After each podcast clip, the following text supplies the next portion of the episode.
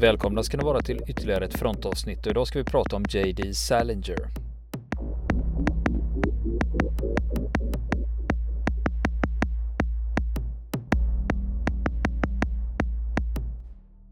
Och nu ska vi fortsätta prata om JD Salinger under andra världskriget. Då är vi ju framme i 1945 här va? Mm. Och då är ju målet att nu är det ju riktning Tyskland då va? Och nu är målet ren. Och eh, 12 slår sig fram genom städer som Prom och Oz och eh, nu väntar man bara på att kriget ska avslutas för nu vet man att nu är vi inne i Tyskland att nu är det eh, förhoppningsvis inte så långt kvar. Och, och de mal sig långsamt framåt och eh, 30 mars då passerar de Ren vid Worms. När de har gjort det då, då går de i riktning sydväst in i Bayern. Och sen efterhand, så ju längre de tar sig in i Tyskland, då blir det mindre strid och mer ockupation. Och för CIC så innebär det att deras uppdrag ökar. För de kartlägger städerna de kommer till och dess myndigheter. Och särskilt de som har haft, eh, där det har funnits eh, kommunikation och transporter som har varit viktiga. Och det de gör när de kommer till en stad, det är att de stänger ner städerna. De tar radiostationen och tar telegrafkontoret och tar postkontoret. Och det är att man inte ska kunna skicka underrättelser från stan. Utan man isolerar den. Och Saliger var ju slängd på tyska, han hade ju bott i Wien. Så att han får ofta prata med civilbefolkningen. Och hans roll är att informera civilbefolkningen om vad som gäller nu. Och han förhör civilbefolkning om nazister eller motståndsgrupper. Och det man har börjat med nu det kallas ju för denazifiering och man letar efter nazistfunktionärer och krigsförbrytare. Och sen när de väl har kommit in i Tyskland då skickas en rapport ut till männen i CIC och den rapporten som de ska läsa det handlar om koncentrationsläger. Och vid det här laget så känner man till 14 stora läger och över 100 mindre satellitläger. Och ordern är också att om CIA-agenterna får höra något om koncentrationsläger då ska de bege sig dit och samla underrättelser, förhöra vakter och fångar. Och instruktionen till de amerikanska soldaterna är att om de springer på något som skulle kunna vara ett koncentrationsläger då ska det rapporteras omgående till närmsta CIA-enhet. Så det är deras uppgift att kartlägga det här. Och sen 22 april, då var de nära Rotenberg och det ligger ju i Bayern. Det ligger mellan staderna Landsberg, Augsburg och Dachau. Och om man tänker sig de här städerna jag nämnde nu, Landsberg, Augsburg och Dachau. Det, en, det blir en triangel där varje sida i tre, eh, det blir tre mil mellan varje stad här då. Och i den här triangeln, där fanns de 123 Dachau-lägren. Och Eh, när tolfte kommer in i området här, då träffar han ju på läger. Och eh, de berättar att lukten kunde man känna 15 kilometer bort. Och då börjar man ju påträffa de här va. Och 23 april då är Salgers CIC-grupp i Alen och Elvangen och det är byar där det finns satellitläger då till Dachau. Det var inte bara när man pratar om Dachau så tänker man att ja, men det var ett läger. Ja, det fanns ju ett huvudläger men sen fanns det ju flera satellitläger runt om.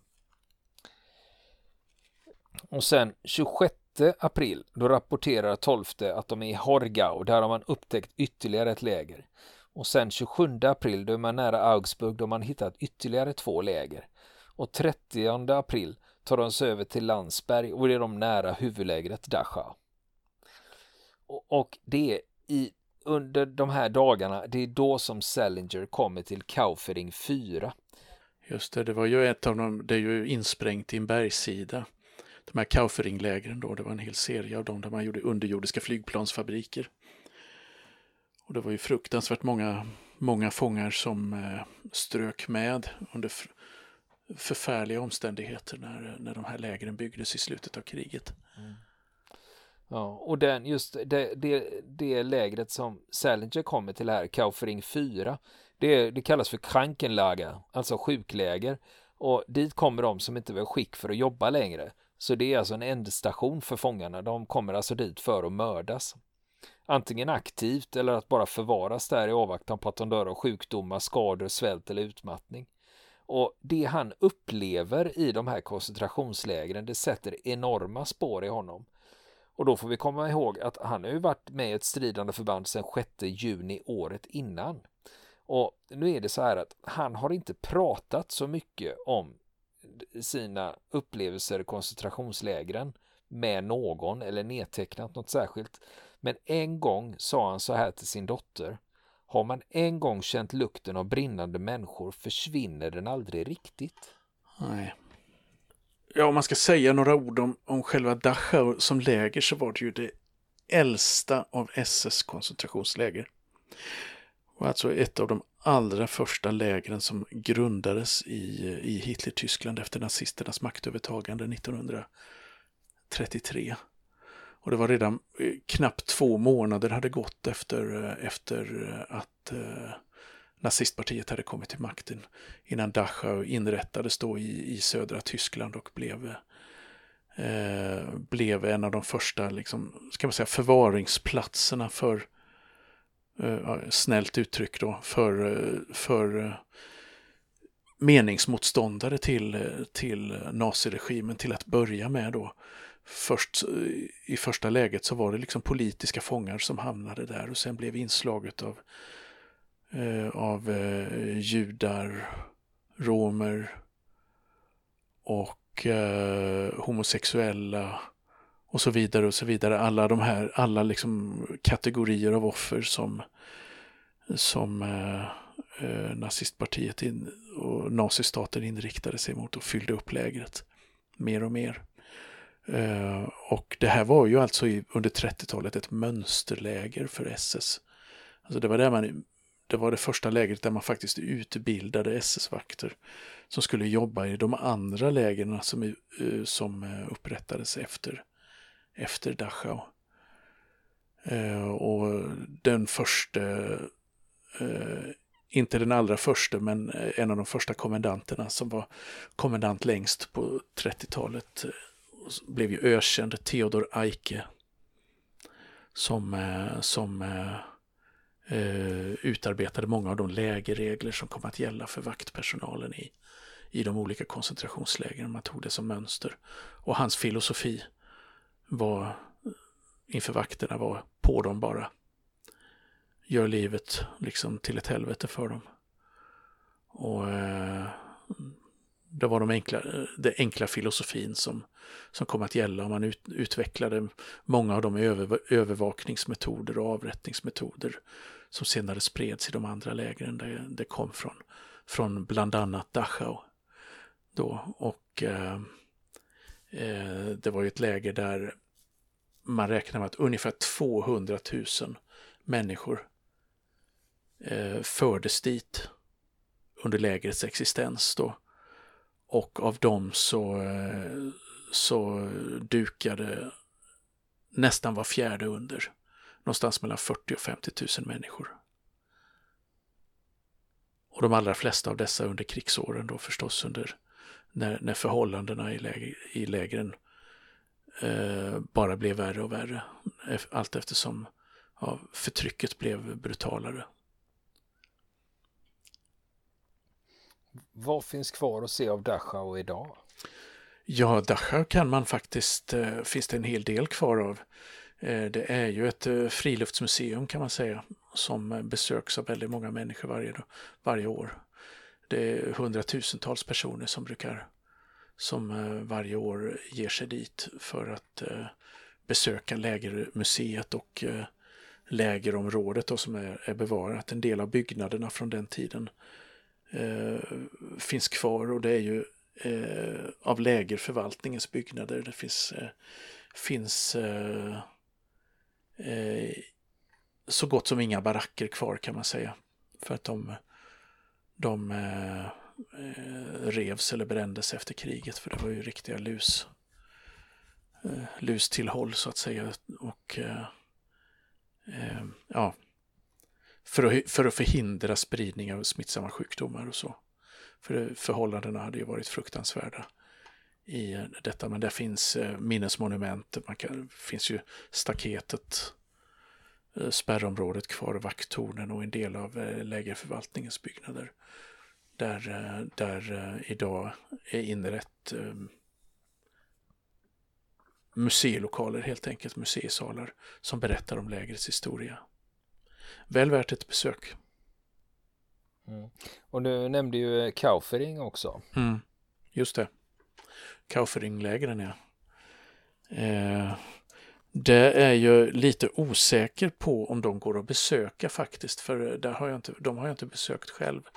Har jag inte. Eh, många av de här lägren som man inrättade just i, i eh, berg eh, runt om då, som Kaufering 4 då, som vi pratade om, är, eh, är ju, ja, blev helt enkelt avspärrade, det var farligt att ha dem öppna så man sprängde eh, sprängde ingångarna då till flera av de här lägren för att göra dem helt otillgängliga då.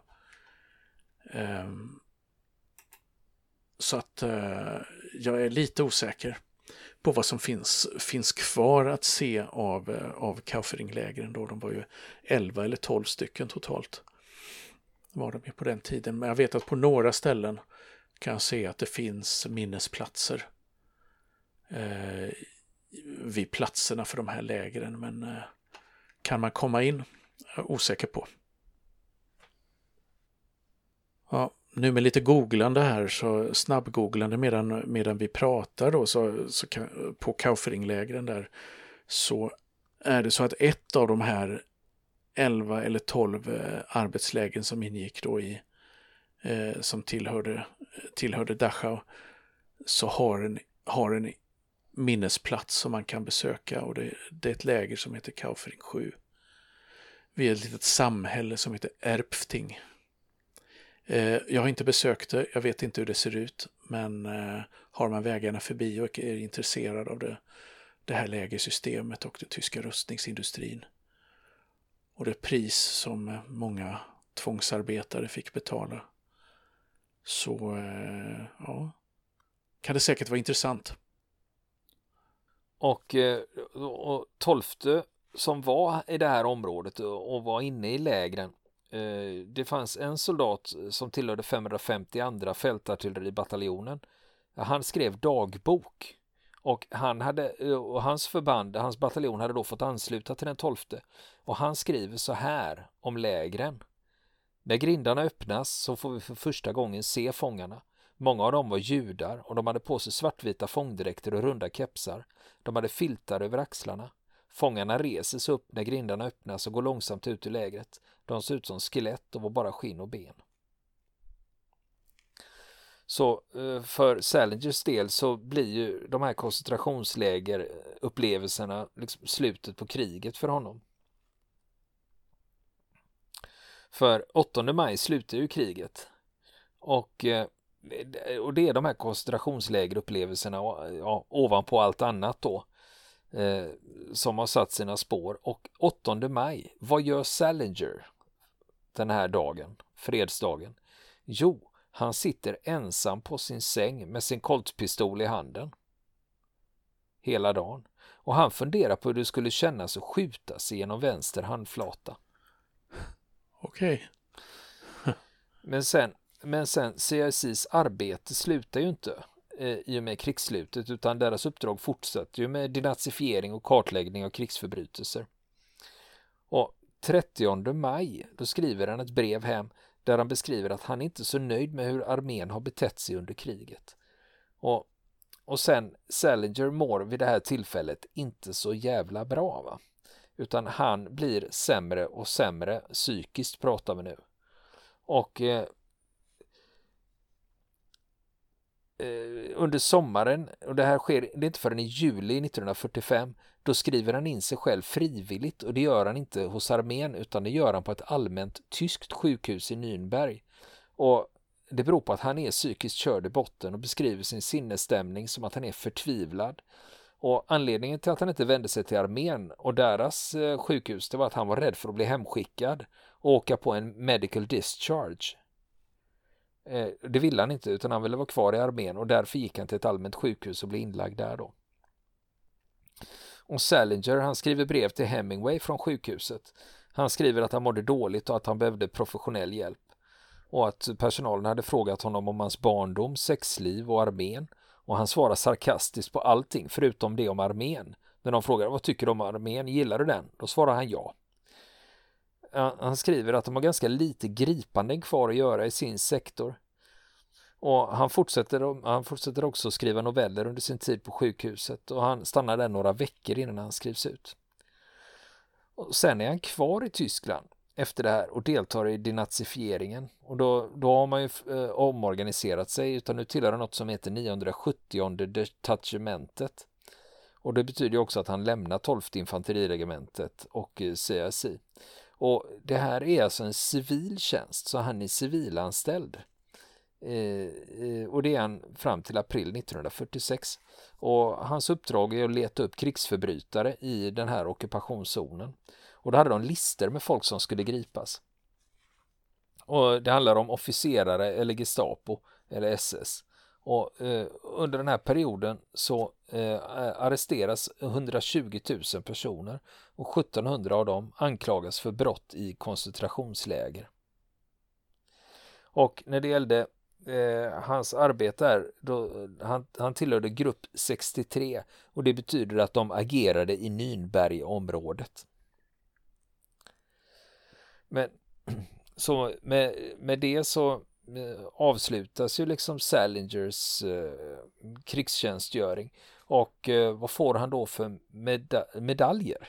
Jo, han får Five Battle Stars och dessutom får hans enheten Presidential Unit Citation for Valor och det är ju för mod då som de tilldelas det. Och sen, men det händer andra grejer Eh, under eh, hans vistelse i Tyskland. För han träffar nämligen en tysk kvinna och inleder en relation med henne. Hon heter Sylvia Welter. Och eh, det här äktenskapet är eh, lite speciellt och man vet inte så mycket om det. Men det intressanta är det här med Sylvia Welter. Va? Eh, vad, vad gjorde hon under kriget då? Jo, hon var inskriven som student. Men det som är lite udda med henne det var att hon var inskriven som student på sju olika universitet. Det var väldigt ovanligt. För i normala fall så pluggar man på ett, två, kanske tre, men sju universitet. Och eh, när man då, de som har forskat kring det här och rotat efter papper på henne, de hittar papp, Gestapo hade en akt på henne. Och i den akten ligger det en passansökan som hon hade gjort när hon var i Österrike. Då undrar man, vad fan har Gestapo en eh, akt över henne för och varför finns det bara en passansökan och inget mer? Så det finns en del som tror att hon hade jobbat som angivare för Gestapo och att hon då hade flyttat runt som student på universitet för att försöka kartlägga då om det fanns några motståndsrörelser eller någonting och att hon då skulle rapportera till Gestapo. Men det finns som sagt inga belägg för att hon faktiskt hade jobbat för Gestapo och varit angivare utan det är ju bara någon folk har lagt pussel och tror att det är så. Men det här äktenskapet som de har, de har ju flyttat hem till New York nu Eh, och det här funkar inte. va. Så efter åtta månader så när hon vaknar upp på morgonen då ligger det en enkel flygbiljett till Tyskland på nattduksbordet. Och eh, i och med det så är också eh, det äktenskapet över. Så hon flyger hem till Tyskland och är ute ur Saligers liv. Och Saliger han fortsätter att skriva noveller och eh, hans eh, stora roman där, eh, Räddaren i nöden, han hade ju börjat skriva om den här karaktären Holden Caulfield redan 1941. Eh, så det fanns lösryckt. Han hade ju med sig sex kapitel av boken när han klev i land på Utah Beach. Men 1949 då tar han tag i de här lösryckta historierna och sammanställer dem i romanform. Och sen i juli 16 juli 1951 då publiceras Räddaren i nöden och det är ju det som är det stora genombrottet då som författare. Och eh, sen hans fortsatta författarkarriär, ja, han ger ju ut noveller och några få böcker men ingenting kommer i närheten av Räddaren i nöden och sen upphör ju hans utgivning helt då, på 60-talet. Och sen eh, men sen 1953 då flyttar han från New York till Cornish i New Hampshire och det är där han lever ett tillbakadraget liv. Och det pratade jag ju om i början när jag presenterade Salinger. och han eh, gifter om sig några gånger och inleder relationer. Eh, ofta med unga tjejer och en del forskare tror det att ah, det är, det är det att han har eh, aldrig kunnat släppa det där med Una O'Neill. Att det är därför han är ute efter unga tjejer och han försöker återuppleva det då. Va? Men det, det, är ju fortfarande bara gissningar för själv har han ju aldrig pratat eller kommenterat om det där då. Va? Men det som händer när han bor i Cornish i alla fall att eh, 1955 då, då gifter han sig med Claire Douglas. Hon är 22 och då är han 36 och de får två barn ihop och de skiljer sig 1966. Och sen 1972 då inleder han en relation med en student, Joyce Maynard. Hon är 18 år och han är 53. Och det, det här höll i nio månader och enligt en av hans döttrar så sprack det här äktenskapet på grund av att hon ville ha barn och han tyckte att han var för gammal.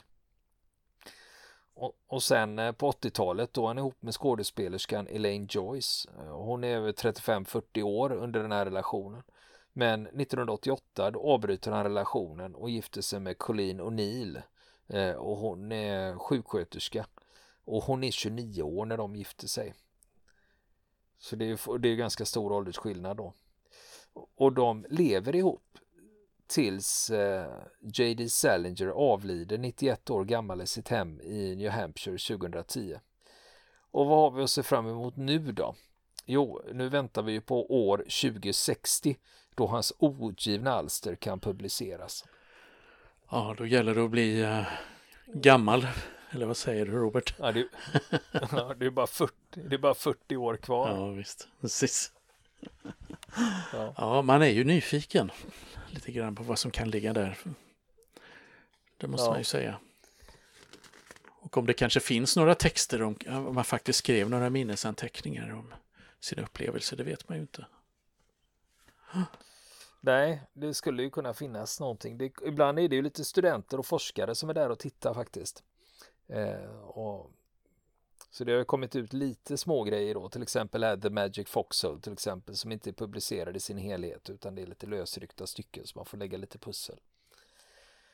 Men det är också intressant med den här typen av eh, personlighet då om man då tänker sig att eh, vilka storheter han har kommit i närheten av ofrivilligt då Charlie Chaplin men sen frivilligt då eh, med Hemingway då. De höll ju faktiskt kontakt ända fram till 61 när Hemingway eh, tar livet av sig. Och sen fortsatte han också att hålla kontakten med sina gamla kamrater från CIC, Han var bland annat best man på ett bröllop och sådana saker. Så att det släppte han ju inte då. Mm. Men blev han en bättre författare tror du? Eh, ja, alltså ja, litteraturvetarna tror ju det. Va? Att, eh, för då fick, han fick ju se alla aspekter av mänskligheten och det är ju som vi har beskrivit tidigare att i krig så är alla, om du tänker dig alla känslor och allting som kan hända, det är som ett mixerbord och i krig så är allting uppdraget på max. Va? Så att han får ju se det bästa av människor och han får se det sämsta också. Va? Och eh, mm, det sämsta var väl framförallt hans upplevelse då av koncentrationslägren som eh, ledde fram till depression då. Där han var tvungen att lägga in sig på en klinik. Så att det är klart att plötsligt så vidgas ju ens kunskaper otroligt. Vill ni komma i kontakt med oss så kan ni göra det via vår Facebook-sida som heter Fronten. Det är inga problem för er att leta er fram där. Eller också så mejlar ni på vår mejladress och det är frontenpodcastgmail.com.